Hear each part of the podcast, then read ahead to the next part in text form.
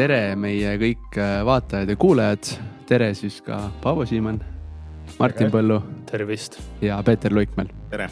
Äh, täna siis äh, esmakordselt räägime investeerimisklubi podcast'is krüptovarandusest ja, ja miks see teema on akuutne, on siis see, et mõistagi mm, kevadise, kahe tuhande kahekümnenda aasta kevade Covidi järgselt siis vaikselt tasapisi on krüptovaluutade äh, turukapitalisatsioonid hakanud siis pead tõstma ja nii mitmeidki inimesi, investoreid ja teisi äh, on see, nendes on see hakanud siis tekitama küsimust, et miks, äh, mis selles põnevat siis on, miks see väärtus kasvab ja kas äkki oleks mõistlik sellesse investeerida. Ja täna me siis ekspertide abiga saamegi lahata, et mis need krüptovaluutad on ja, ja kas sellesse oleks mõistlik investeerida aga põgus tutvustus ka, et äh, Martin Põllu, krüptovaradesse investeerinud alates aastast äh, kaks tuhat seitseteist, on mul õigus? just nii. ja, ja tööalaselt iga päev sa siis täidad Swedbankis ärianalüütiku ülesandeid. just nii, vastab tõele just ja, ja Peeter Luikmäel, sul on siis kogemus krüptovaradega alates kahe tuhande kaheksateistkümnendast aastast. jah, suhteliselt hiljuti jah, äh, ja, ja sa töötad igapäevaselt Eesti Panga rahapoliitika ja välismajanduse allosakonna juhatajana. Äh, ja siis lisaks alates kahe tuhande kolmandast aastast oled tegutsev õppejõuna rahanduse ja makromajanduse äh, alastel kursustel, mida siis viid läbi Tehnikaülikoolis, EBS-is, Tartu Ülikoolis ja nii edasi jah, see on niisugune huvitav hobi alustada iga, iga laupäeva hommikut kevadeti Tehnikaülikoolis ja, ja mõnikord siis reede õhtud kusagil mujal loengut pidades. see jääb külge, et isegi kui, kui hädavajadust ei ole, et siis pead ennast kusagil tühjaks rääkima. just ja samuti siis tühjaks rääkida on ka täna siin võimalus, et oma teadmisi, kogemusi jagada selles vallas. aga nagu mainisin, siis teie olete kaks nii-öelda valdkonna asjatundjat ja tegijat. ja teie tegelikult, mis on unikaalne, mis on vahva, et te näete seda maailma mõlemad siis läbi erinevate prismade. et Martin, sina oled aktiivne investor ja, ja Peeter, sina saad lisada oma kogemust ja vaadet institutsioonide, keskpanga ja regulatsiooni vaatenurgast. Peeter saab lisada, miks ta ei ole aktiivne investor. jah, saab ka niipidi läheneda aga põgus eh, kirjeldus äkki, Martin, võib-olla sinuga hakkame peale, et eh, kuidas sina üldse krüptovara maailma jõudsid ja millised olid esimesed kokkupuuted? arvan, et see algus nii-öelda tuli juba no selline kaks tuhat kuusteist aasta lõpus, kus ma nii-öelda hakkasin Bitcoini kahte uurima ja üleüldse nii-öelda selline kuhu ta siia maailmas sobitub ja mis sellest edasi saab ja siis nii-öelda, kui oli kaks tuhat seitseteist, siis oli nii-öelda väga suur krüptobuum oli tol aastal ja Bitcoini hind põhimõtteliselt noh, kümnekordistus aastaga. mis muidugi nagu tekitas väga suurt nagu uudishimu ja sealt kahe, kaks tuhat seitseteist aasta lõpus umbes nagu hakkasin ise vaikselt nii-öelda Bitcoini investeerima niimoodi hästi vaikselt, lihtsalt vaadata, kuidas see läheb. Ja siis muidugi peale seda kaks tuhat kaheksateist tuli väga suur langus Bitcoinis ja kogu krüpto ja ICO skämmide kõik eh, nii-öelda kokkukukkumine ja nii edasi, kuid äh, nii-öelda kaks tuhat kaheksateist just nimelt eriti hakkasin uurima just nimelt fundamentaalselt, mis üleüldse on raha ja kui ma selle endale nii-öelda selgeks tegin, siis oli Bitcoin nagu ilmselge võitja selles valdkonnas, kuhu üleüldse nagu investeerida krüpto osas, et no ma olen hiljem nii-öelda lisanud äh, teatud määral nii-öelda teisi selliseid nii-öelda krüptoinvesteeringuid teinud juurde. kuid äh, portfoolio osas on nagu ülekaalukalt nii-öelda Bitcoini osakaal portfoolios nagu üleüldiselt. krüptos on, võin öelda, et umbes on no ligikaudu üheksakümmend seitse protsenti portfooliost. väga hea, Peeter, millised on sinu esimesed kokkupuuted? noh, eks see on äh, nii, et kui sa hakkad teistele midagi õpetama on soovitav natukene ise ka lugeda, muidugi õpetamise käigus õpib kõige rohkem juurde, aga, aga mis mul võib-olla see kaks tuhat kaheksateist on nagu selles mõttes maamärk, et ma siis tegin oma mingisse väiksesse Linuxi arvutisse naljapärast selle Bitcoini kaevandamise ka, muidugi rahaliselt ennast ära ei tasunud selleks hetkeks enam, aga, aga selle ledger'i laadisin alla ja vaatasin, kuidas ta siis töötab ja ja, ja umbes sellel ajal, ma arvan, oli ka siis see koht, kui, kui no juba siin mainiti, et, et turg langes ja siis ilmusid nagu ka Eestis järelturul need igasugused minerid. et siis mingit niisugust täiesti ühekordset ettekannet natuke nagu näitlikumaks muuta krüptovarade teemal, siis ma ühe ostsin endale ka ja, ja noh, ta tootis umbes nagu sellel hetkel vist umbes viiskümmend protsenti nagu miinust võrreldes elektri hinnaga ja, ja nüüd siis see nagu raskusaste on muidugi tõusnud, elektri hind on jäänud enam-vähem samaks ja nüüd ma selle jõuluajal nalja pärast lükkasin ta uuesti sisse, noh ta on lärmakas soojapuhur minu jaoks, et noh, mul maakodus siis nagu kütab kaheksasaja vatine soojapuhur. ja noh, ma arvestasin sellega, et umbes viiskümmend prossa sellest ajast Äh, või, või elektrienergiast ta toodab siis nagu tagasi, aga üllataval kombel ma isegi nüüd vaatasin, ma muidugi kogu aeg ei küta teda, aga noh, kui ma sõidan maale, siis ma panen ta päev enne nagu kaugjuhtimisega sisse jälle.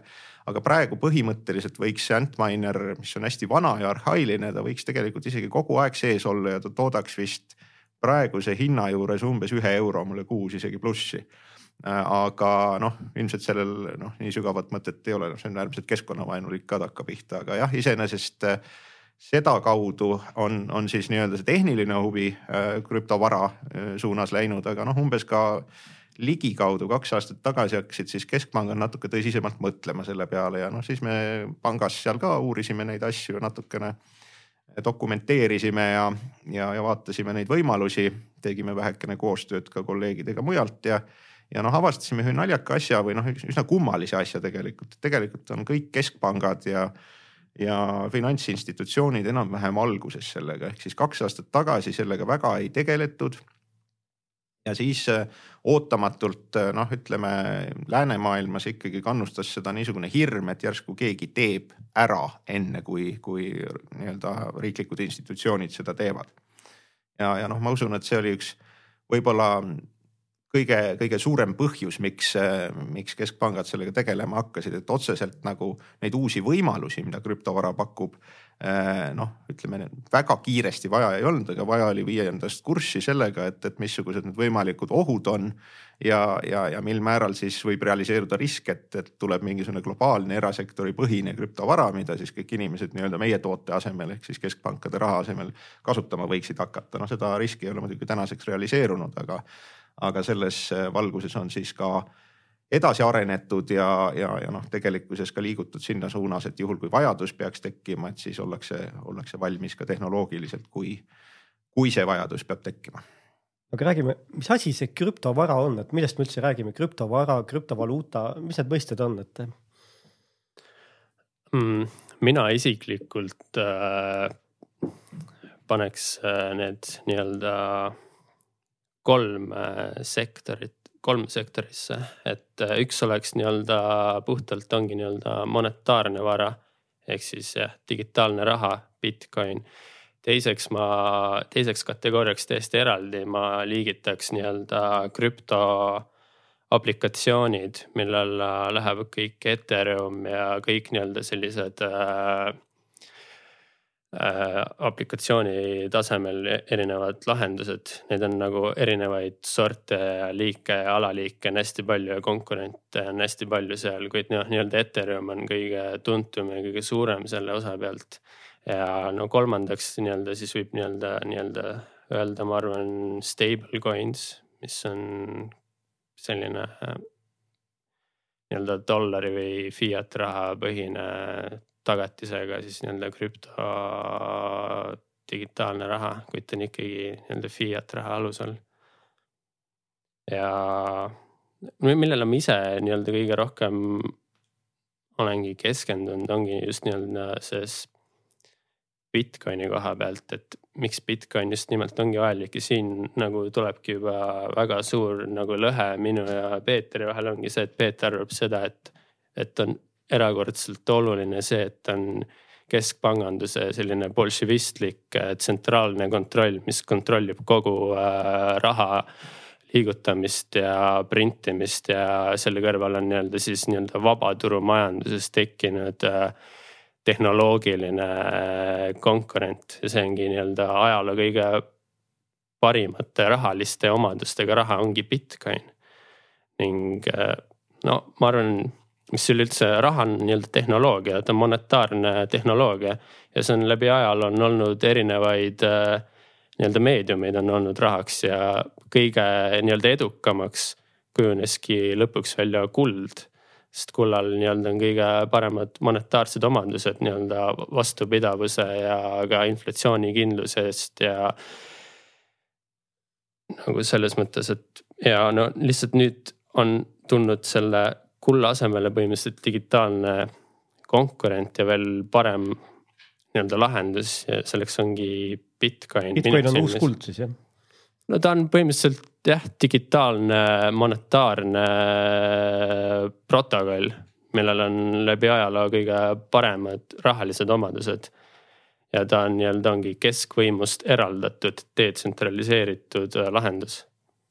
no ütleme nii, et äh, liigitusega ma olen peaaegu nõus nagu niisugusel tehnoloogilisel alusel, aga, aga miks me ikkagi keskpanka ja regulaatorite puhul üritame väita, et Bitcoin ei saa olla raha ehk siis krüptovaluuta või krüptoraha ta siiski ei ole et ta on pigem nagu krüptovara ja, ja seal on mitu põhjust, et noh, üks on niisugune regulatiivne põhjus, et eks tegelikult need, need krüptovarad on jõudnud nagu kauplemissüsteemidesse ennekõike selle kaudu, et väga paljud regulaatorid käsitlevad neid justkui commodity't ehk siis mingit toormeressurssi.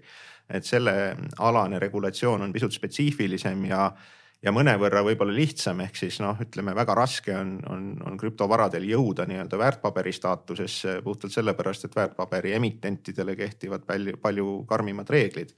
Äh, noh, samal põhjusel ei ole tegelikult krüptovarade puhul tegemist rahaga ehk äh, noh, kui teatud tingimustel võib öelda, et krüptovara võib olla justkui mingisugune väärismetall, siis ta on tõesti, ta on justkui toormeressurss või vääris, väärisvara, millel puudub sisemine väärtus ehk, ehk tegelikult, kui kullal on mingisugune kasutusväärtus, siis Bitcoinil tegelikult eksisteerib ainult õigus kasutada teatud infrastruktuuri selleks, et sinna nii-öelda EPOS-esse oma rida juurde lisada.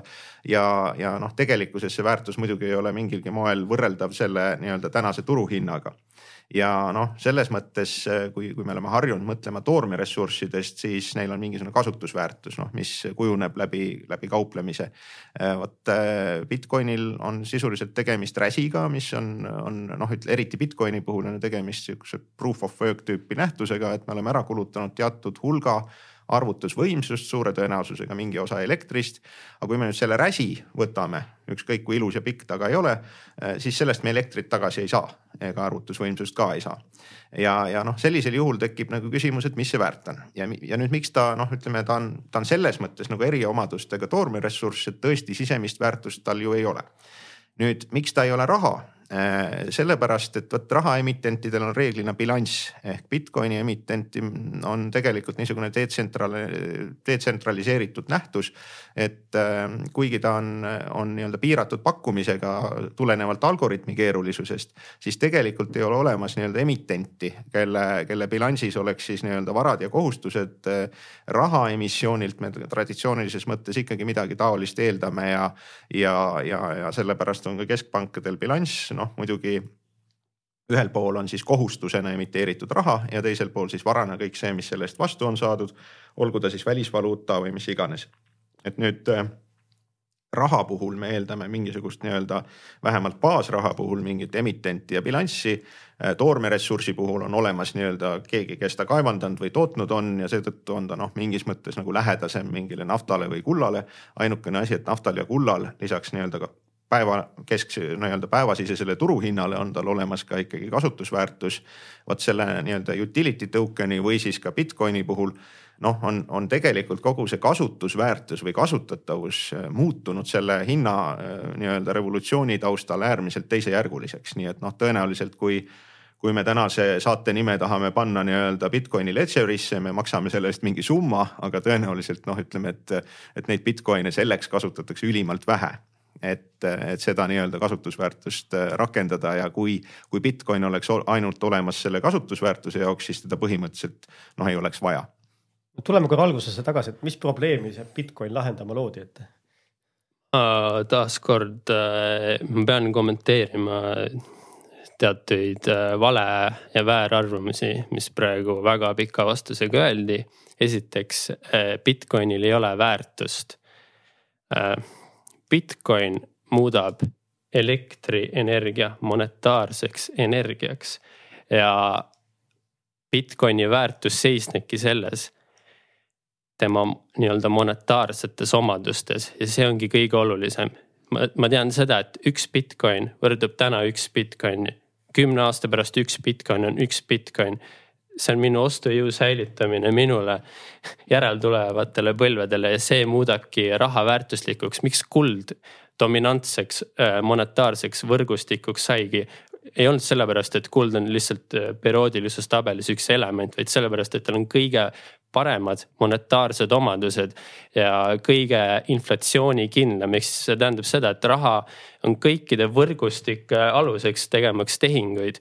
ning äh, kui sul on inflatsioonile raha nagu fiat raha seda on, siis see korrumpeerub kõik nagu äh, kommunikatsiooni ning vabaturumajanduse hinnamehhanismi leidmise totaalselt ära ja rikub nagu täielikult ja tekitadeski kantiloni efekti ja püramiidskeemi, mis fiat rahaga on nii et äh, selles mõttes on nagu täiesti nagu vale väited need, et Bitcoinil ei seisne mingit väärtust. hetkel on kulla turuväärtus maailmas umb, umbkaudu kümme trill, triljonit dollarit.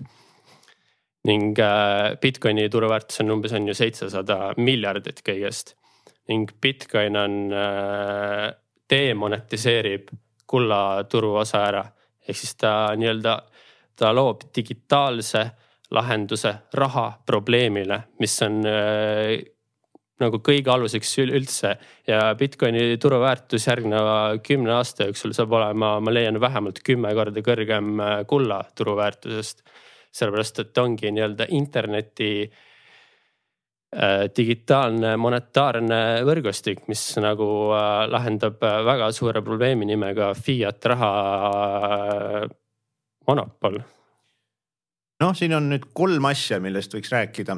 üks on muidugi see, noh hästi klišeelik, aga tasub ära mainimist, et noh, rahal peab olema mingisugune stabiilne väärtus teiste rahade suhtes, et noh, Bitcoin muidugi on klassikalise niisuguse investeerimisvarana väga kõikuva väärtusega, et, tehingute tegemiseks ebastabiilne vahetuskurss teiste rahade suhtes ei ole, ei ole praktiline aga teine asi on, on üsna tüüpiliselt räägitakse muidugi kullastandardi ajast ja, ja sellest äh, et, et noh, see tagas nagu niisuguse universaalse vahetatavuse kullastandardi puhul tõesti oli kuld siis rahvusvahelise rahasüsteemi ankruks ähm, üheksateistkümnenda sajandi lõpu ja kahekümnenda alguseni.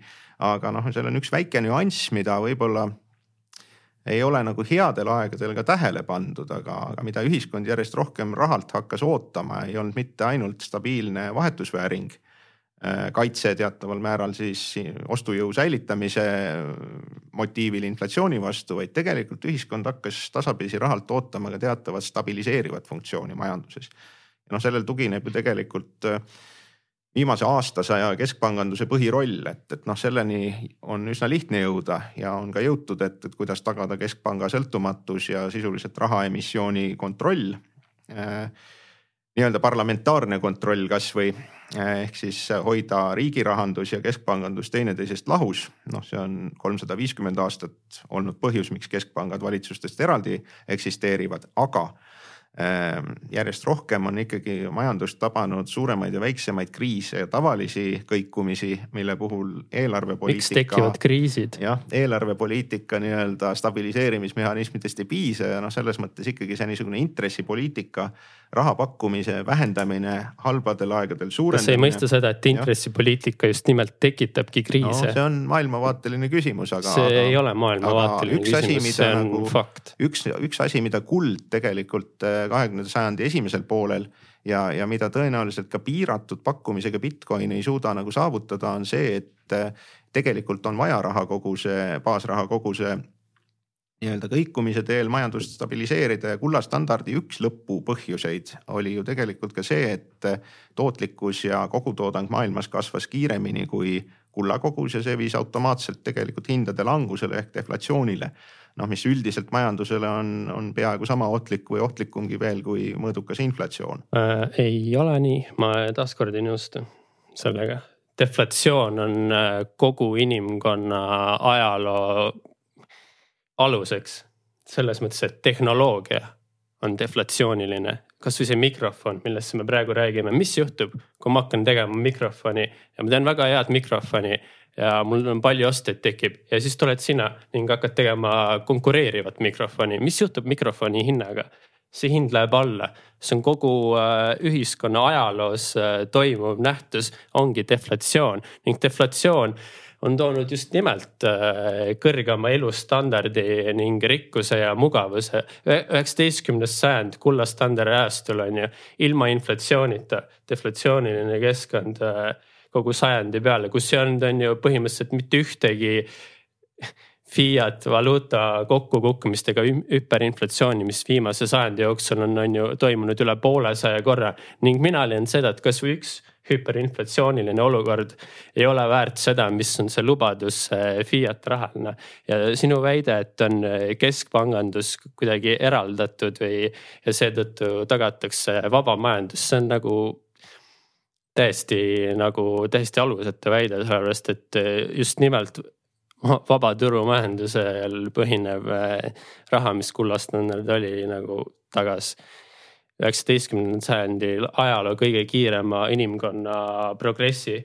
kõik meie tänase päeva mugavus ja infrastruktuuri ning ühiskonna alused üheksateistkümnendal sajandil loodud kullastandardi ajastul on ju no sisuliselt ei oleks kaasaegset rahandust, kui meil ei oleks nii-öelda, kui meil oleks siiamaani kullastandard. ja noh, teine asi, et. miks tekkis kulla, miks tekkis üldse fiat raha ja keskpangandus, see oli sellepärast, et kõik kuld põhimõtteliselt tsentraliseeriti ning see andis võimu keskpankadele no,. keskpangandus tekkis kuueteistkümnendal sajandil, nii et tegelikult oli ta juba õige mitu aega olnud selleks ajaks, kui kui see palju kiidetud tehnoloogiline progress tuli ja noh, samas see on muidugi huvitav väide, et, et tehnoloogia areng on deflatsiooniline, et noh, teatud mõttes eh, on see tõsi, aga vot küsimus ongi üksikute toodete hinnalanguses, eh, suhteliste hindade muutumises, mis toimub kogu aeg seoses sellega, et teatud asju on ühtäkki odavam toota. ja teine asi on see üldine hinnalangus majanduses, mis on ohtlik sest noh, kui me, kui me täna neid nii-öelda juba, juba mainitud mikrofone, kui me teaksime, et need maksaksid kuu aja pärast vähem, siis me ostaksime nad ju kuu aja pärast. see ei vasta tõele, et me ostaks hiljem, kas ostad enda nutitelefoni hiljem no,, sellepärast et sul on aasta pärast no, äh, sama hinna eest kaks korda võimsam. majandus ikkagi toiminud. selle loogika kui... põhjal, miks mitte ja. ükski inimene ei läheks sooduskampaania ajal poodi, sest öö, miks ma peaks minema, kui ma saan kallimalt osta? ei, vastupidi, ehk kui sa tead, et sa saad homme odavamalt osta selle Bitcoini, siis sa ostad selle pigem homme kui täna või siis ka mõne reaalse aktiva ehk siis eh, majandusel on ikkagi. me kõik näeme, mis äh, nimelt deflatsioonilistes äh, nii-öelda sektorites on. kas iPhone'idel on nagu järjekorrad uksele? ei no siin sa räägid suhteliste hindade muutumisest. kuskohast tekib üldse inflatsioon, see tekib nii-öelda sektorites, mis on just nimelt keskpanga poolt rikutud monetaarse poliitika nii-öelda sektorites kinnisvara, aktsiad, kõik see, mis ma sooviks osta, see muutub äh, kordades kallimaks, noh see no, ei ole. keskpangad on küll mõjuvõimsad, aga vaevalt, et nad nüüd kinnisvara hindasid ja aktsiahindasid nii hirmsasti kontrollivad, et see on ikkagi inimeste lootus äh, parema tuleviku ja. ja ennem sa just väitsid, et äh, keskpanganduse intresside muutmine, see on, on ju poliitika aluseks ei, see Mis on põhjustab... majanduse stabiliseerimine. see ei ole majanduse stabiliseerimine. me alandame intresse, kui läheb paremini, siis me tõstame intresse. sa absoluutselt ei nagu saa aru, kuidas tekib äh, hinna nii-öelda avastus ja asi on selles, et ühiskonnas sa pead tegema valikuid oma elus, sa pead tegema valikuid, mida teha, mitte, mida mitte teha ja selle põhjal see, nende valikute põhjal tekibki nii-öelda vaba turumajandus, selle aluseks ei ole vaja ühtegi keskpanka no Seda... ütleme nii, et on proovitud igate moodi. Ja, ja kindlasti on ka üks võimalus see, et, et teha erasektori põhine raha, millel ei ole riiklikku mingisugust garantiid ega Me... järelevalvet ja eks ta mõnda aega hingitseb, aga kas sul ei ole nagu niisugust hirmu, noh, väga õige on see, et neid krüptovarasid on, on täna ikkagi üle kahe tuhande erineva. Neist nii-öelda õitsevad üksikud ja sisuliselt me räägime siin ikkagi Bitcoinist, mis moodustab sellest turukapitalisatsioonist ikkagi üle, üle, üle, üle kolme neljandiku. ilmselt tehingute mahust päevakäibest veelgi rohkem. ehk sisuliselt see on see, mida täna maailmas kasutatakse, tõsi küll, mitte tehinguteks, mitte rahana, aga see on tegelikult selline asi, millega kaubeldakse kui investeerimisvara. ja võrgust, võrgustik on väga oluline argument, et meil on ainult üks Bitcoin, mitte kaks, aga Eh, kas sa ei karda, et, et mõne aasta pärast võib olla umbes samasugune olukord, et meil tuleb uus Bitcoin ja, ja see on umbes sama mälestusväärne suur asi nagu omal ajal oli näiteks Orkut või Reit. et tuleb mingi uus asemele ja tegelikult ei ole mingit vahet, mis see kunagi oli, see asi, teda lihtsalt enam ei ole, teda enam ei kasutata. vasta korra sellele ära ja siis ma küsime järgmise küsimuse muidugi äh,, ei, ma ei karda seda, et Bitcoinile tuleb, asi on selles, et igal inimesel on võimalik teha konkurent Bitcoinile. Bitcoin on avatud koodiga, sul on võimalik võtta see kood on ju ja teha. kuid kas seda keegi hakkab kasutama, ei hakka, ma võin samamoodi teha ise näiteks Youtube'i konkurenti, kuid Youtube'is juba on äh, Äh, sadu miljoneid vaatajaid, sadu tuhandeid sisuloojad, see, see võrgu, võrgustik ongi juba välja kujunenud dominantseks liidriks. Bitcoin on välja kujunenud dominantseks digitaalseks monetaarse võrgustiku liidriks. ja sa usaldad seda monopoli rohkem kui mis tahes keskpank. kust otsast see monopol on? no kuna ta on dominantne, siis ta on ju monopol, et temale kõrvale konkurenti. ta on dominantne detsentraliseeritud võrgustik, samamoodi ta on protokoll, see on protokoll, see ei ole mingi ülikonnas mehe mehed kusagil eh, pilvelõhkujas otsustamas. see on üle maailma kasutajate, kaevandajate ja arendajate poolt eh, tagatud ja. protokoll.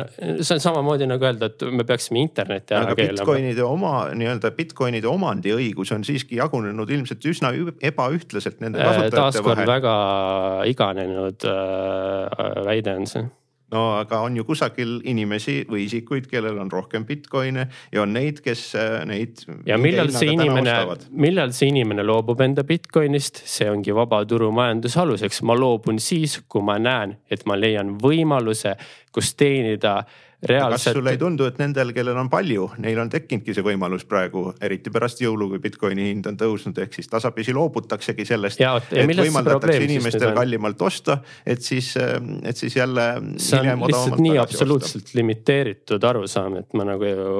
ma vahepeal võtan nüüd äh, siin uuesti, et väga lahe oli teie intellektuaalset diskussiooni jälgida, et nagu näha, teema, teema on äh, mitmeid arvamusi tekitav, aga sina, Martin, äh, nagu sa ütlesid, sul on üheksakümmend seitse protsenti portfellist äh, krüptovaluutades. no Bitcoin ja siis on eraldi nii-öelda krüptoaplikatsioonide, krüpto siin nii-öelda startup äh, osa. et mõtleme nüüd meie kuulajate peale, et nad on nüüd aru saanud selle tausta kohta ja et on sellised e-, erinevad maailmavaatelised äh, erinevad arusaamad. Aga mis on need peamised põhjused, et ma mäletan, et eelintervjuus sa ütlesid, et, et praegu on sul selline viiekohaline portfell, kindlasti sa saad miljakaks Bitcoiniga, et ütle need, ma ei tea, kolm peamist põhjust, et miks sa niimoodi arvad?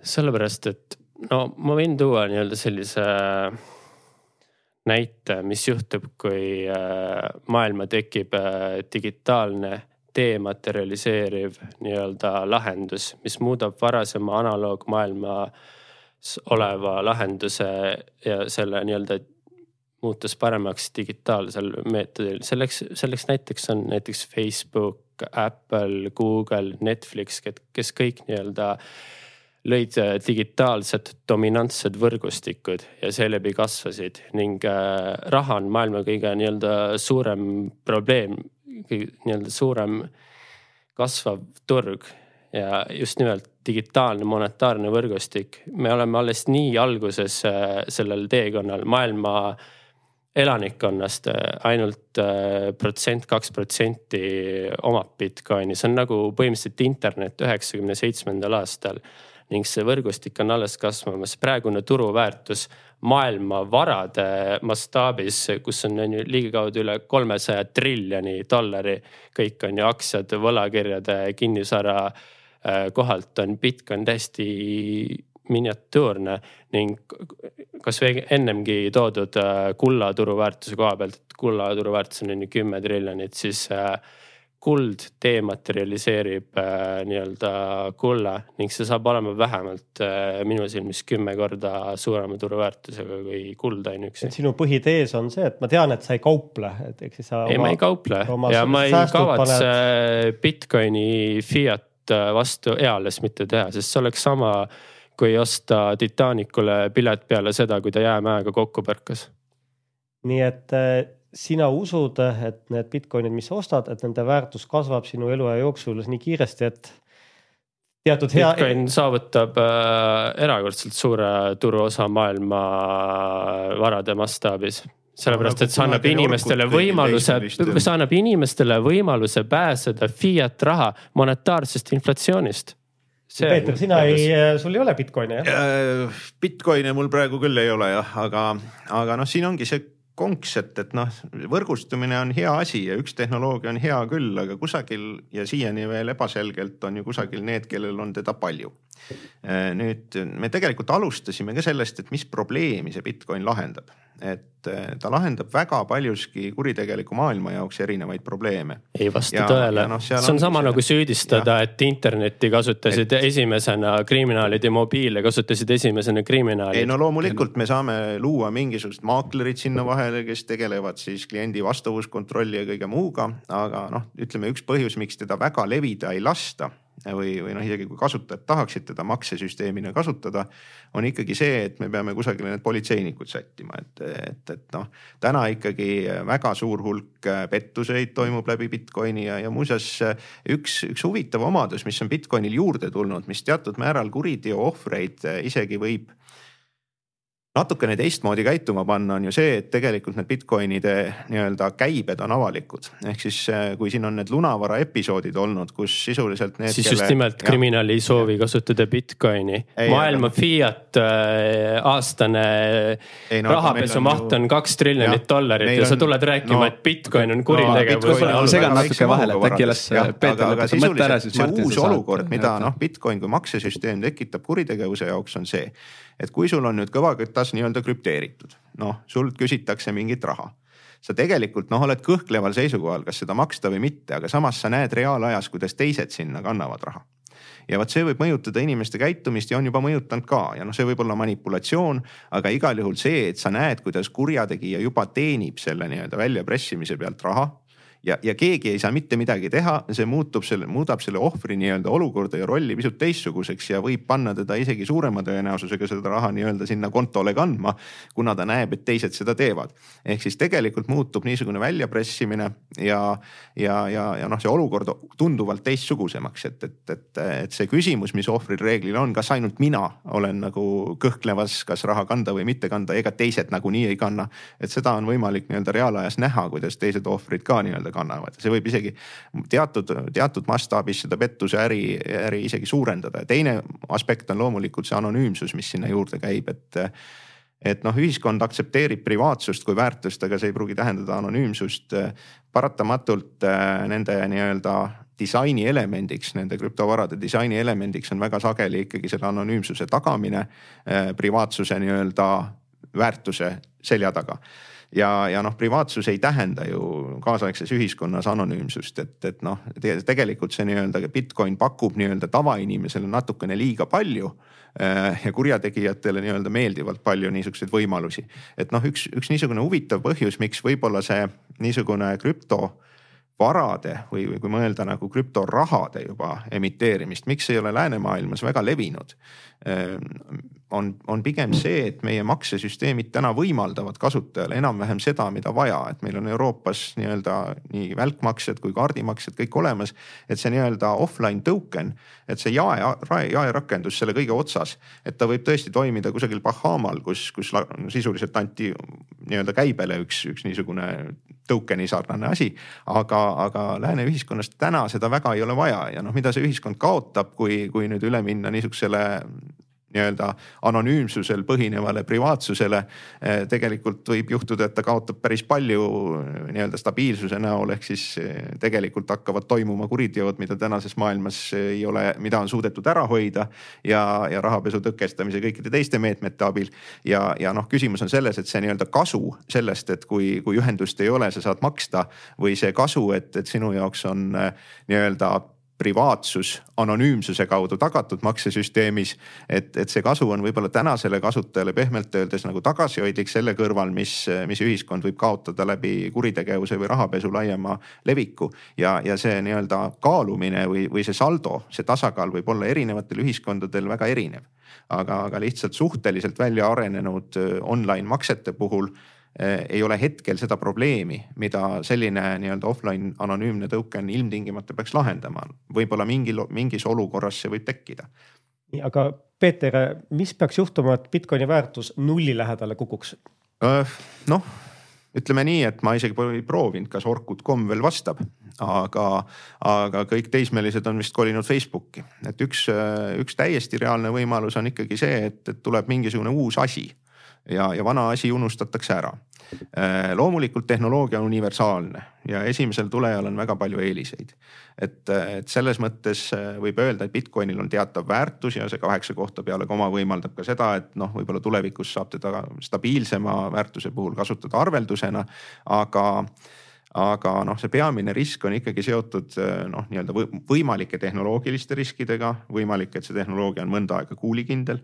Eh, teine asi on see, et, et tuleb konkurent ja kolmas, mis on võib-olla isegi kõige, kõige loogilisem selles, selles kontekstis on ikkagi see, et juhtub midagi nende nii-öelda kohtadega, kus täna see nii-öelda Bitcoin kohtub päris rahaga ehk äh, on võimalik, et mingisugused kauplemissüsteemid osutuvad petturlikeks, inimesed on sinna pannud liiga palju raha ja, ja noh, see raha ei ole vahetatav. no neid riske saab minimeerida, et noh, et selle päris raha ja, ja, ja Bitcoini krüptovara kohtumispunkti on, on tegelikult nagu noh, seda aega on võimalik vähendada, et sul ei pea olema kuskil esindaja või maakleri kontol see pool aastat see raha. aga, aga jah, sisuliselt on ikkagi klassikalise mulli lõhkemise algoritm selline, et lihtsalt inimesed kaotavad usu või leiavad mingi mingi uue asja, kuhu raha paigutada. ja, ja sellisel juhul noh, ütleme see sisemise väärtuse puudumine on piisavalt hea nagu argument selleks, et see hind võib, võib ka langeda päris kiiresti. Martin, sama küsimus sulle, mis peaks juhtuma, et Bitcoini hind, väärtus alla tuleks nulli lähedale?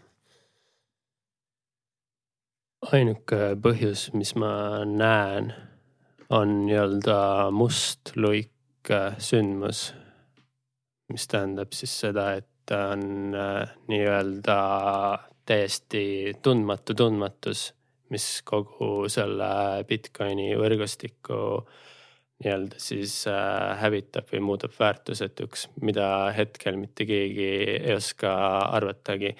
ning varasemalt, see oli väga pikk vastus ennem ja väga palju valeväited ja väärarusaam oli taaskord esiteks ma kiirelt vastan ainult paar äh, nii-öelda osa sellest pikast vastusest, et äh, et, et Bitcoin on kriminaalidele, see oli see põhisüüdistus. Äh, kui me oleks, keriks aega tagasi aastasse kaks tuhat kolmteist, siis oleks see üsna nii-öelda valid point, et, et Bitcoin oli suurelt kasutatav kriminaalseteks tegevusteks. kuid no taaskord samamoodi oli ka internet ja mobiiltelefonid esmalt kasutatud äh, kõige enam äh, kriminaalsete jõudude poolt. ning kui me liigume tänasesse päeva Bitcoini monetaarses võrgustikus, siis on äh, viimaste uuringute järgi, analüüside järgi on Bitcoini nii-öelda kriminaalne osa null koma kolm protsenti. mis on äh, langenud mitmekordselt. no see on anonüümsest võrgustikust arvutatud protsent, nii et see on suhteliselt küsitav, mis seal lugejas või nimetajas võiks olla no ma soovitaks sul ennem neid läbi lugeda muidugi, see on üks asi ning äh, no nimeta, kuidas tahad neid. Äh, teiseks äh, väide, et see kriminaalne. inimesed, äh, saage aru, et fiat raha on kriminaalne, see on püramiidskeem, mille tipus on keskpank ja see tekitab ainult kantiloni efekti, võib-olla sa võiksid selgitada vaatajatele-kuulajatele, mis on kantiloni efekt? kõigepealt selgitaksin seda, et, et sa mainisid, et noh, tegelikult seda võrgustikku võib hävitada nii-öelda mustluik sündmus, noh midagi pole seda teha erineval, erineval moel. Erineval moel tegelikult võib see, võib see ju juhtuda, et neid sündmusi juhtub meil viimasel ajal järjest sagedamini. ja noh, ma ütleks, et ma võib-olla pigem defineeriks selle, selle sündmuse. Äh, läbi selle, et see, kellel on palju, hakkab natuke kiiremini müüma, kui, kui teised on valmis ostma. kuid see ei muuda seda fakti, et üks Bitcoin võrdub üks Bitcoin. no aga üks, üks kivi võrdub ühe kiviga, aga ta ei võrdu enam nii paljude eurodega ja ma arvan, et see. ja me nüüd jõuamegi jah, selle juurde, et euro vähe. väärtus ja. langeb iga aastaga, monetaarne inflatsioon, palju eelmine aasta oli, kakskümmend protsenti. no ei Bitcoin... olnud inflatsioon euroalal on siiski väga selgelt mõõdetav nähtus. see ei ole üks koma viis protsenti, ma räägin monetaarsest inflatsioonist no., ma räägin varade hinnade tõusust. no ütleme nii, et, et ühiskond on aktsepteerinud, kuidas me inflatsiooni mõõdame ja, ja no,. see on, on aktsepteeritud ja selle nomenklatuuri poolt, kes nagu äh,. varade hindasid mõjutab pigem see inimeste soov osta ja, ja äh,, ja vähem. sellepärast, et raha on väärtusetu, selles on kogu probleem.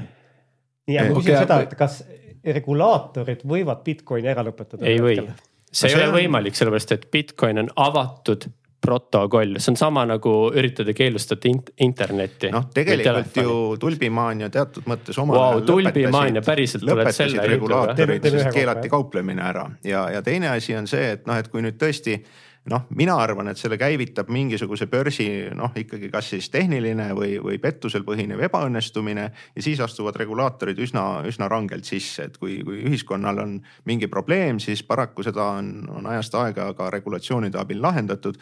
ja noh, see, see oht on lihtsalt see, et et kusagilt ja sugugi mitte väikesest Eestist, aga kusagilt suurest riigist piiratakse see nii-öelda nii, niinimetatud fiat raha sissevool ära, ehk siis, ehk siis keskpanga raha sissevool süsteemi ära ja juba see avaldab üsna suurt mõju, sest, sest tegelikult, kui nii-öelda uued inimesed või uued nii-öelda ostjad ei sisene, siis, siis ütleme nii, et hind hakkab tasapisi langema ja, ja noh, see on kõige tõenäolisem stsenaarium niisuguste asjade puhul, kas see on nüüd regulatsioonist, kas, kas see peab olema nagu noh, ütleme väga suur riik või piisab mõnest keskmisest riigist, see, see, see kõik oleneb. aga niipea kui, kui tekivad niisugused noh, nii-öelda tarbijakaitselikud aspektid asjale juurde, et inimesed ongi liiga suure osa oma rahast, olgu see siis üheksakümmend seitse protsenti või rohkem või vähem pannud sellele nii-öelda varale, millel puudub sisemine väärtus, siis tekib probleem, et mida need inimesed siis. me taaskord ennem rääkisime väärtusest, mis annab Bitcoinile väärtuse, siiamaani nagu sa ilmselgelt ei saanud aru sellest. no Bitcoinile annab väärtuse usk. ja ei ole. usk okay. kõrgemasse hinda. võib-olla lähme siis äkki, jätkame äkki siis selle koha pealt. Need on fundamentaalselt väga väär ütlused, see on nagu, see, et sa nagu inimestele reaalselt tuled ütlema, et et Bitcoinil puudub väärtus ja samal ajal fiat raha ülistades, kus meil on, on ju juba negatiivse intressiga võlakirju on maailmas üheksateist triljonit, negatiivse intressiga, see on ajavargus no mis mõttes ajavargus no,? okei okay,, ütleme, ma saan aru no., äh, kindlasti on Sest väga. intress on see, et kui mina, kui ma teen tööd ja on inflatsioon, siis tähendab seda, et see on minu ajavargus, ma pean tegema rohkem tööd aga seda kinni katta. saate alguses sa ülistasid deflatsiooni, et noh, tegelikult deflatsioon ja negatiivne intressimäär on küllaltki sarnased asjad selles valguses. okei okay,, äh, arvamusi on erinevaid äh, ja kindlasti see on kuum teema, aga me sisenesime nii-öelda sellesse plokki, kus me äh, räägime siis selle üle, et mis on krüptovaluutade või siis näiteks ka Bitcoini tänane reaalne nii-öelda praktiline kasutus. et siit käis läbi väide, et nii-öelda see on mingil väiksel määral seotud kriminaaltegevusega, aga eh, võib-olla Martin, saad sa täpsustada või anda meile ja kuulajatele seda teavet siis, et eh, kus täna eh, seda praktikas kasutatakse või mis on tema tänane jah, siis praktiline kasutus? no nii-öelda ma võin öelda Bitcoini koha pealt, Bitcoin on viimased kümme aastat kasvanud keskmiselt kakssada protsenti aastas ja see on nagu, ah fenomenaalne ning see jätkab äh, järgnev kümnend täpselt samamoodi, sama tempoga. ning mis selle hetkel nii-öelda kasutusvaldkond ongi, ongi nii äh, ostujõu säilitamine, monetaarne, digitaalne energia, see on raha ning äh, see läheb äh, ning kes seda hetkel kasutusele aina enam on rohkem hakanud võtma ja ongi enam institutsioone, investeerimisfonde. et äh, Fiatist väljuda, sest Fiat on väärtusetu. ning äh, samamoodi on see elupäästjaks näiteks Venezuelas, Liibanonis, Argentiinas kõikides hüperinflatsioonilistes riikides on see inimestele elupäästjaks olnud enda ostujõu säilitamisel. saad sa äkki täpsustada seda protsessi natuke, et kuidas, kuidas see, milles see väljendub, et see nende nii-öelda päästerõngas olnud seal piirkondades? Äh, no Venezuela miljoniprotsendiline inflatsioon, ma arvan, päris selgelt väljendub seda või Argentiina viimase kahe aasta viiekümne protsendiline inflatsioon on ju või ostujõu kaotus või eelmise aasta Liibanonis sajaprotsendiline inflatsioon ja fiat raha põrumine taaskord. Fiat raha hüperinflatsioonilisi olukordi on olnud üle poole, üle poolesaja korra viimase sajandi jooksul ning see on fiat raha ilmselge põrumine ning euro ei ole mingi mingil moel erinev näiteks Argentiina peesost või Venezuela bolivarist, et kas inflatsioon on rassistlik, et on ainult Ladina, Ladina-Ameerikas või Aafrikas või ei ole euro on samamoodi fiat raha nagu kõik need teisedki fiat rahad ja, fiat raha on samamoodi väärtusetu. no kui ebaõnnestunud keskpank enamasti riigi survel hakkab äh, trükkima raha juurde, tekib inflatsioon, siis noh, see on ilmselgelt halb asi ja, ja selle vastu aitab üksnes see, kui riigis valitseb seadus ja kord ja töö on jaotatud. aga, aga mis on muidugi huvitav, on see jah, et et kui tavalises olukorras noh, rahasüsteem kokku kukub, ega ühiskonnale, sellele riigile pole elanikele see viimane päev. Äh, ja, ja mida inimesed ju teevad, nad lähevad üle siis mingisugusele kaubale või välisvaluutale ehk siis see dollariseerumine toimub maailmas kogu aeg.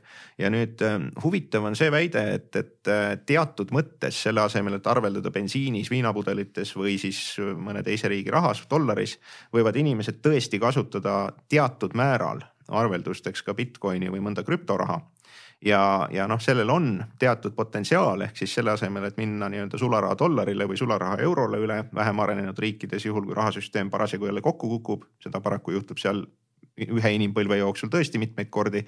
et, et noh, siis jääb ikkagi täna see probleem, et, et sellel Bitcoinil ta on ikkagi investeerimisvara, ta ei ole nagu stabiilse väärtusega vara, et need õnnetud inimesed. kuidas ei ole stabiilse väärtusega, kui just ja. nimelt fiat raha ja. kaotab väärtust üheksakümmend üheksa protsenti Bitcoiniga? kui sa täna oled kuskil Venezuelas, noh vaevalt, et sa nüüd esimese valikuna raha Bitcoini paned, ju sa ikkagi dollarit kasutad ja seal on üks praktiline väärtus, noh dollari kurss nii-öelda hinnasüsteemi suhtes on stabiilsem kui Bitcoini oma, ilusatel päevadel Bitcoin tõuseb, mitte nii ilusatel langeb kuni viiskümmend protsenti, aga, aga küsimus on selles võib-olla rohkemgi, et, et noh, küsimus ongi selles, et ta võib olla tõesti teatud mõttes nagu investeerimisvara, aga tal tõenäoliselt on, on jätkuvalt see häda, et tema väärtus nii-öelda muude hindade suhtes kõigub liiga kiiresti nüüd.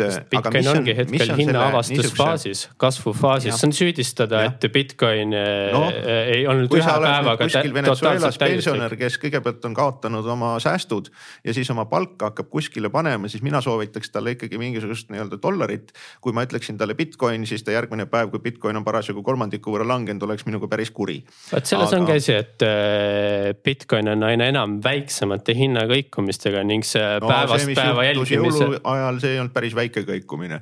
aga nüüd ma vahepeal sekkun, et no tegelikult seesama jutt, et kas euro või dollar kaotab kulla vastu väärtust või vastupidi, ehk siis ma saan aru, et see tuleb ka Bitcoini diskussiooni üle. aga kuna meil on siin palju jaeinvestoreid vaatamas ja kuulamas, et nad mõtlevad, et kas on, kas osa oma portfellist Bitcoini panna või panna nagu, ma ei tea, mõned inimesed ütleks, et panna hullu nagu Martin tegi, et, et ongi enamik portfelli Bitcoinis, et noh, ma kujutan ette, Martin, oled sa nõus, et äh, enamik inimesi, kes on siin Eestis kirjutanud finantskirjaoskuse õpikuid, rahvast harinud, äh, nad saavad südari, kui nad praegu vaatavad meie saadet, et sul on üheksakümmend seitse protsenti rahast krüptovaluutades. See on täiesti mõistetav, miks inimestel taoline reaktsioon on ning minul võttis ka aega, et jõuda selle Bitcoini standardini ning. palju sa, palju sul aega läks nagu ja mida sa selleks tegid, et sa siis jõudsid oma mõtetega siiani, kuhu sa täna oled jõudnud? no mul läks nii-öelda, ma tegin pikalt uurimustööd ikka kaks aastat, kuni täielikult nii-öelda läksingi Bitcoini standardile üle ning Bitcoini standardile üle minnes ongi see, et äh, see ongi digitaalne monetaarne võrgustik samamoodi nagu varasemad äh, näited Netflixi või Google'i koha pealt, siis ta on kasvav monetaarne võrgustik ning ta demonetiseerib äh, enamus nii-öelda kasvõi kulla või võlakirja turust ta demonetiseerib ära, ehk siis Bitcoini turuväärtus on alles kasvufaasis. et see on nagu minu jaoks sama nagu investeerida Amazoni kaks tuhat kümme aasta. Mida sa ütleksid neile, kui mõni siin vaatab ja kuuleb, ütleb, et sa oled lihtsalt mingite raamatute poolt nüüd aju pestud? aju pestud, ma ei ole Fiat äh, raha poolt aju pestud ja ma olen sellest süsteemist lihtsalt välja astunud. minu Fiat süsteemi ei paku mulle mitte miskit peale monetaarse inflatsiooni. Peeter, kas mingi, kas sina, minu, sinu soovitus, et kas midagigi võiks Bitcoini panna oma investeerimisportfellist no, või sinu meelest oleks ikkagi puhas loterii ja, ja mitte teekond rikkusesse, vaid vaesusesse? Peeter, ütle ka, kuhu on, sa ise investeerid? siin on äh, nüüd tegelikult äh, vastates esimesele küsimusele kõigepealt ma ütleks, et äh, see on huvitav fenomen seoses nende krüptovaradega, et kui me tavalises maailmas mõtleme, et võiks hajutada, siis ausalt öeldes minule tundub üsna noh, ütleme vähem mõistlik idee see, et sa hajutad ühte krüptovara teisega. sest nende hinnad, noh enam kaubeldavate krüptovarade hinnad on ilmselgelt nagu enam-vähem ühesuunaliselt seotud mis on muidugi õige, on, on minu arust see, et noh, et noorena võib noh, selles mõttes nagu hullu panna, et, et kui sa nagu alguses oma nii-öelda säästmise, investeerimiskarjääri alguses, kui on veel aega oodata pensionini, oled nagu kõrgema riskiga äh, varades, see on väga mõistlik. Äh, ja siis tasapisi, kui, kui nii-öelda pensionipõlv hakkab koitma ja sa ei saa enam olla pikaajaline investor järgmised kakskümmend aastat, sest noh, nii-öelda füüsiline eksistents hakkab lõppema. et siis on mõistlik riskitaset hajut-, noh vähendada. et noh, selles mõttes see niisugune noh, see, kui, kui siin räägiti sellest Bitcoinist, ma mõtlesin, et peaks oma poegadele nalja pärast ostma mõne. et, et võib-olla nad pensionipõlves veel mäletavad, mis asi see oli.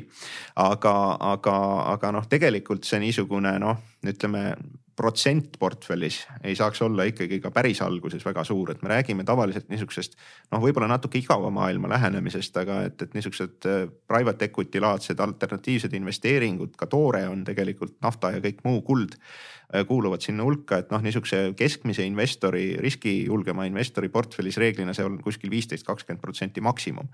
ja nüüd äh, noh, üldiselt selle nii-öelda protsendi, selle viiendiku sees ei ole väga mõistlik panustada ühele varaklassile ehk siis noh, kui sa, kui sa toimetad, ütleme seal kullaga ja, ja, ja hõbedaga, noh siis, siis on sul tegelikult ikkagi üks ja sama nähtus, lihtsalt kahe erineva kujuga. kui sa seal toimetad, ütleme Bitcoini ja veel mõne coin'iga, siis on tegelikult täpselt sama asi ka. et noh, tasuks mõelda sellele, et kui ma seda viiendikku nagu julgen panna ägedatesse asjadesse, et siis selle viiendiku sees ma investeeriks suhteliselt erinevatesse asjadesse. kas siis mingi private equity'd, mingid teatud startup'id. noh, ma ise ei ole suur optimist selles, aga noh, kui, kui sellest midagi ära põleb, võib-olla see ei ole katastroof. aga, aga noh, see, et ma nüüd panen noh, ütleme kakskümmend protsenti julgen panna nii-öelda ägedatesse asjadesse, aga siis panen viiskümmend Bitcoini ja viiskümmend teise coin'i. no see ei ole tegelikult väga mõistlik mõte. tuleme selle tehnilise poole juurde, et minu jaoks, noh, mina ütlen, tunnistan, et ma ostsin Bitcoini natukene siis, kui äh, meie turule tekkis üks äh, rakendus nimega Chains, enne seda minu jaoks tundus nagu tüütu peavalu, need rahakotid, passiivsed, aktiivsed võtmed. ma ei tea, midagi kaob ära või mingi see rahakoti haldur kaob ära ja nii edasi, et mulle tundus see kõik selline hiina keel, et äh, ole, räägi natukene, kuidas sina oma, kuidas sina Bitcoini ostad ja no Change Invest on Eestis. aga Change Invest ei ole nüüd kolm aastat olnud, et sa oled seda pikemalt teinud? no nad on juba, no ega siin on, mul on nii-öelda välismaiseid äh, selliseid platvorme olen ka kasutanud eelnevalt.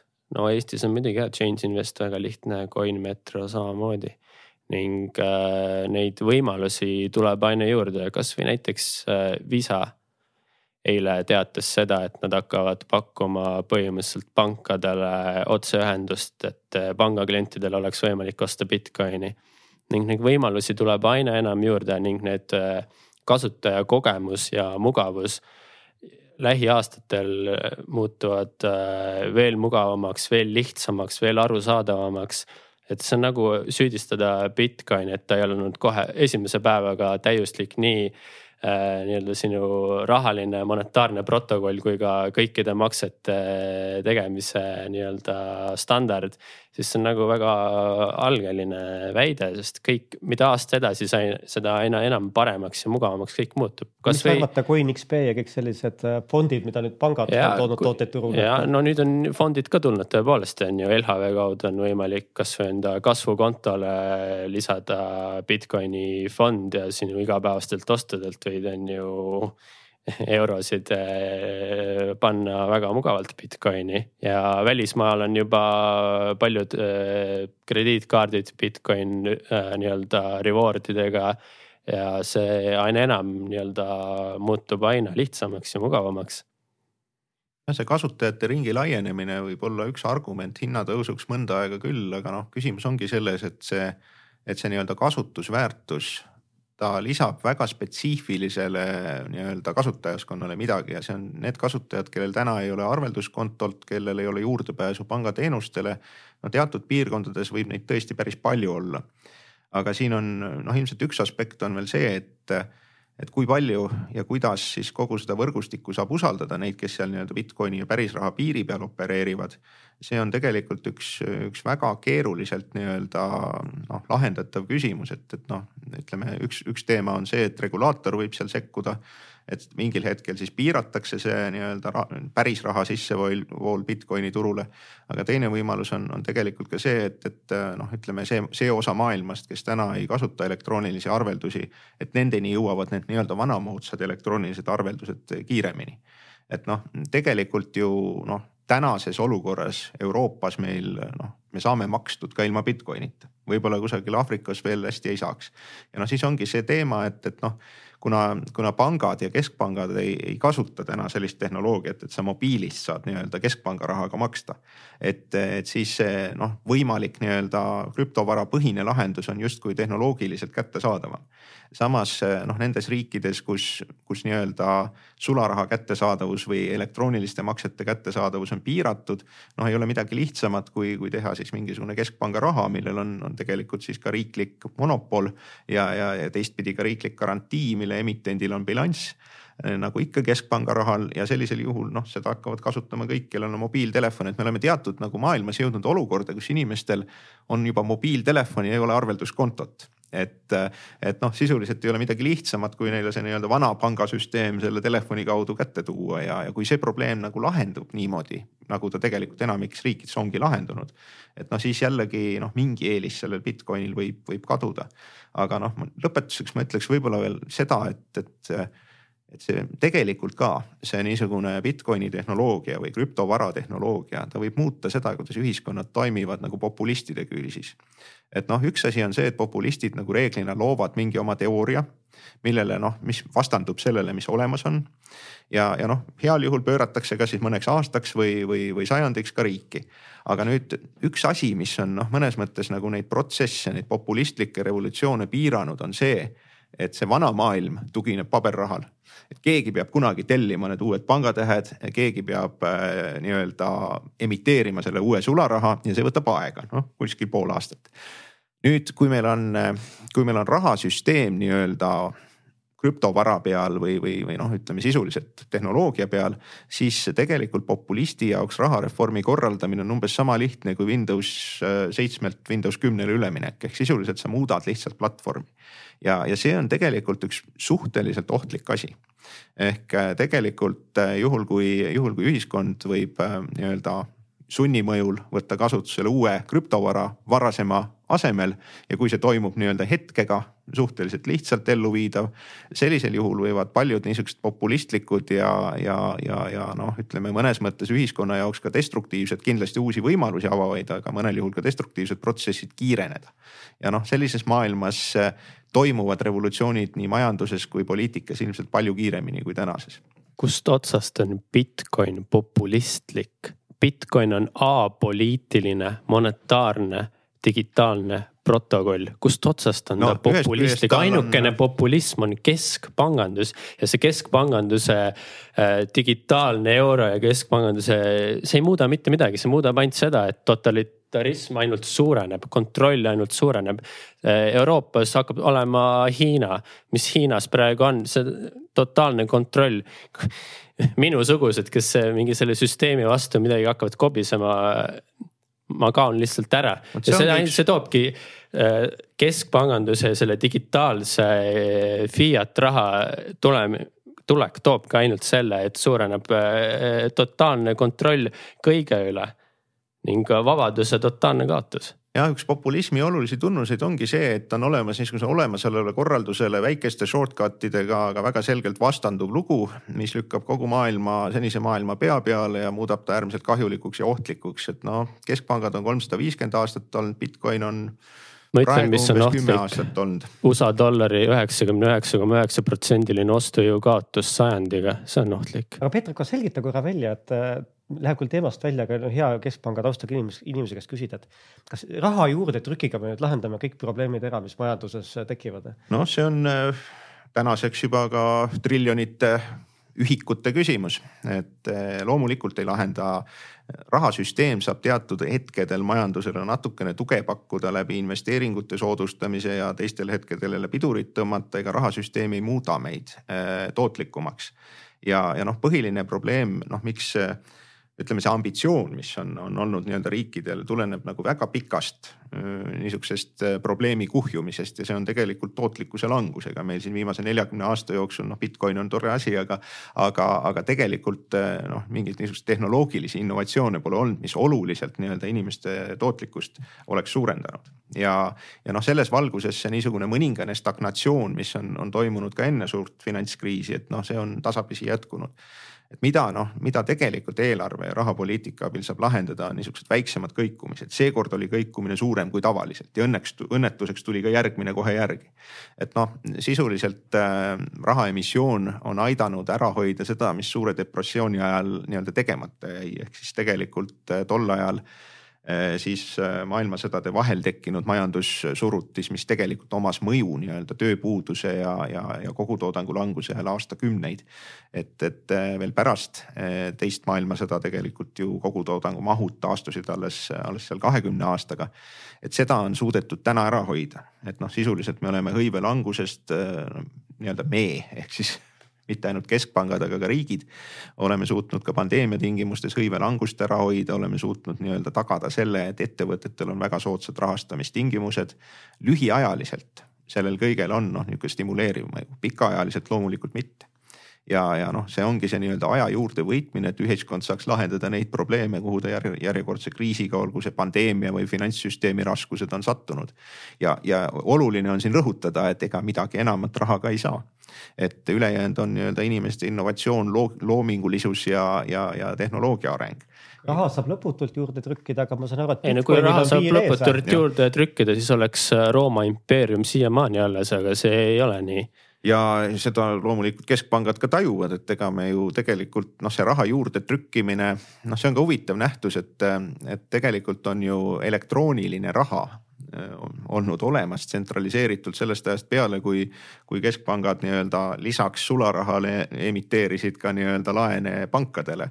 ehk siis tegelikult see elektrooniline raha keskpanganduses on väga vana nähtus, lihtsalt ta on olnud tsentraliseeritud ja, ja selles valguses äh, noh, kui nüüd juurde tuleb mingisugune elektrooniline raha, mille, mille sisuliselt piiratud emissioon äh, tagab selle hinna kõikumise vastavalt majanduse rütmidele, noh siis põhimõtteliselt äh, tal on võib-olla teatav stabiliseeriv funktsioon, aga see, see tugineb arvuti algoritmil, mille abil seda raha juurde on loodud. nii hakkame tänast äh, vestlust võib-olla kokku võtma, et äh, lõpetuseks äh, või väitlust, et, et Martin, et oletame, et inimene, kes meid kuulab, et ta ikkagi innustunud, et ta tahaks nagu ka ikkagi, ma tunnen, et ma tahan selle sõiduga kaasas olla, et kunagi Amazoni aktsiaid jäid ostmata ja noh, et vigu ei tahaks korrata ja ma ei ole nii palju raamatuid lugenud kaks aastat. Äh, et mis võiks see protsent portfellist olla või säästudest, mida võiks Bitcoini siis panna sinu meelest? eks see ole iga inimese enda otsustada, et ähm, ma ei saa seda öelda, ma saan ainult öelda, miks mina olen nii teinud ning see ongi sellepärast, et ma olen nii-öelda Bitcoini üle, üle läinud, ongi nii-öelda praegus käimasoleva just nimelt eelmisel aastal võimendunud monetaarse inflatsiooni tõttu. mis tähendab seda, et kui eelmine aasta on ju, kasvõi ainuüksi on ju Ameerika keskpank printis on ju kakskümmend viis protsenti aastaga kõigist dollaritest kogu ajaloo jooksul, siis see nagu minu silmis tähendab seda, et ma pean seda ületama, sest kui seda ei juhtu, siis ma olen ise miinuses enda investeeringutega. sina kaitsed Bitcoini abil ennast inflatsiooni vastu, nagu mõned teised teevad kinnisvara abil. noh, kinnisvara hinnad tõusevad ka jah, aga Bitcoin tõuseb kiiremini. ja langeb kiiremini Äh, langeb, äh, aga trajektsioon on ikkagi üles, sellepärast et äh, Bitcoin on taaskord ainult nüüd kaksteist aastat vana. me oleme nii alguses veel. Kas see, Martin, et kuidas sul nagu ja uni see, on, et? ma korra, see ongi see, et ma lisan natuke vahele, miks need nii-öelda sellised mm. languse, sellised tõusu nii-öelda eufooriad on see on nii-öelda osalt nii-öelda tingitud ka sellest nii-öelda Bitcoini protokolli sellest disainist ja poolitamisest, et iga nelja aasta tagant äh, väheneb siis poole võrra juurde kaevandatavad Bitcoinide selline preemia kaevandajatele, see nii-öelda muudab äh, pakkumist ja aina enam nõudluse suurenemise tõttu tuleb ka nii-öelda on see hinnatõus läbi selle kümnendi jooksul olnud ja nii-öelda sellised kukkumised, mis tõepoolest ennem on olnud äh, kahel korral on Bitcoini väärtus on ju kaheksakümmend protsenti kukkunud. kuid mida enam, aina enam selle võrgustiku suurenedes muutuvad ka sellised languse protsendid äh, aina väiksemaks, nii et. Ma no, pigem. kui see Bitcoin pole isegi iseenda hinda selle algoritmi abil suutnud stabiliseerida, siis kui mõelda, et kui ta kunagi oleks dominantne, siis kuidas ta suudaks stabiliseerida majandust? me ei suuda taaskord me ei saa luua ühe päevaga võrgustikku valmis. see võrgustik on äh, nii-öelda evolutsioonis, see on arenemas me ei saagi eeldada seda, et Bitcoin ühe päevaga oleks koheselt saja triljonilise turuväärtusega, absoluutselt stabiilne, suurepärase Bitcoini äh, maksete teenuse layer'iga veel juurde lisatud, ülemaailmsete koheste maksete ja kõigega, see, ei juhtu. aga mida aasta edasi, see aina enam uuendusi, parandusi nii-öelda Bitcoini võimekus aina suureneb, kasvõi Bitcoin nii-öelda second layer, teine kiht on ju lightning network äh, maksete võimaldamisel, see kõik on aina enam tulemas juurde. Bitcoin on enda hinna avastamisfaasis, demonetiseerides äh, väärtusetud varaklasse mida, Martin, mida ma peaksin minimaalselt Bitcoinist teadma, enne kui ma esimese investeeringu teen sinna? see on hea küsimus. kuid see kehtib kõigi investeeringute kohta, et iga inimene peab jah, ongi nii-öelda selgeks tegema, miks ta midagi ostab ja jõudma täiesti selgusele. ning minu jaoks ongi see puhtalt äh, Bitcoini nii-öelda väärtuses, monetaarses äh, protokollis seisnev väärtus, ta tagab digitaalse monetaarse protokolli ja see on läbi ajaloo tagatum raha, mis on eales loodud ja minu jaoks on see nagu alles tõepoolest nende hinna avastamisfaasi üsna algusfaasis veel.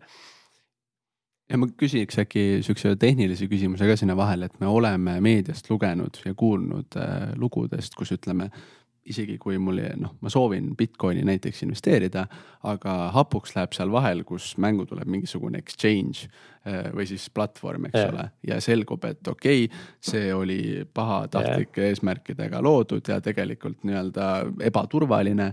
ja seetõttu siis mul tekkis väga suur risk, et mida ma saaksin investorina teha, et veenduda, et see exchange, mida ma kasutan see on päriselt äh, soliidne ja mõistlik asi, mitte mu sinna kantud rahad, kas siis Bitcoinides või euros või dollaris äh, minema pühitakse lihtsalt. see on jah, väga õige küsimus ja tulebki teha uurimistööd ning võrreldagi erinevaid platvorme, kasutaja kogemusi, kommentaare, ajalugu, kui kaua nad on olnud enamus sellised põhilised suured äh, nii-öelda platvormid, nad on, nad on väga turvalised ja reguleeritud ning äh, hea kasutajakogemusega. ning äh, läänemaailma, Ameerika, Euroopaski tegutsevad platvormid on nagu väga selles mõttes, et nagu korralikud. ma ei oska muu maailma platvormide kohta öelda, kuid ma arvan, et eestlane arvatavasti, kui võtabki kasvõi Change Investi või CoinMetro, siis ta saab väga hea teenuse sealt no telefonimüüjatele ei maksa ikkagi reageerida, et äh, tegelikult on ju Eestis päris palju neid nii-öelda Läti ja muu äh, riikide numbreid, kus helistatakse, helistati mullegi siin vahepeal ja mul oli täitsa oma sõber, kellega ma peaaegu iga õhtu rääkisin. järjest alguses oli müügikõne ja siis hakkas järjest nagu analüütilisemaks minema see asi. ja, ja noh, aga samas ma tean, et äh, ma nalja pärast tegin selle kuni selle hetkeni kaasa, kui, kui hakkas asi nagu päris rahaks minema ja, ja selgus, et neil on ikkagi väga väga hästi läbimõeldud see protseduur, ehk siis näidati isegi kõikvõimalikke tabeleid ja jooniseid ja, ja, ja noh, ma tahan ikka igal juhul hoiatada selle eest, et, et kui keegi teile tänava peal või telefoni teel tuleb mingisugust krüptovara pakkuma, siis jumala eest ärge ostke. Äh, nad võivad juhendada ka täiesti äh, teemakauget inimest selleni, kuidas see raha lõpuks nendeni üle kanda. Nad võivad näidata ka pool aastat väga ilusat tootlust, sest seni, kuni inimene nagu ei näe, reaalselt ei võta raha tagasi. seni tegelikult ei ole sellel pettuse operaatoril mingit probleemi, et äh, ma olen, ma olen vestelnud inimestega, kes on sisuliselt nagu hästi uhked selle üle, et nad on krüptovarasse investeerinud ja nad on aasta või kaks uhked. kogu aeg panevad juurde, kogu aeg kasvab, aga hiljem selgus, et selle taga ei olnud mingit krüptovara, vaid lihtsalt selle petturi Excel, kus numbrid pidevalt suurenesid. nii et kus on raha, seal on pettused, öeldi vanasti, võib öelda, kus on krüptoraha, seal on ka pettused. seal on veel rohkem pettust jah nii suur-suur aitäh teile selle ägeda vestluse eest täna Martin Põllu ja Peeter Luikmäe, et meil Markusega oli see küll väga-väga põnev teid jälgida. ja usun, et ka teil, head vaatajad ja kuulajad, selline oli investeerimisklubi tänane episood. aitäh, et olite selle tunni ja pisut rohkem koos meiega. kaamera taga oli täna Ahti Kaskpeit, Markus Raudma ja Paavo Siimann saatejuhid. aitäh ja järgmise korrani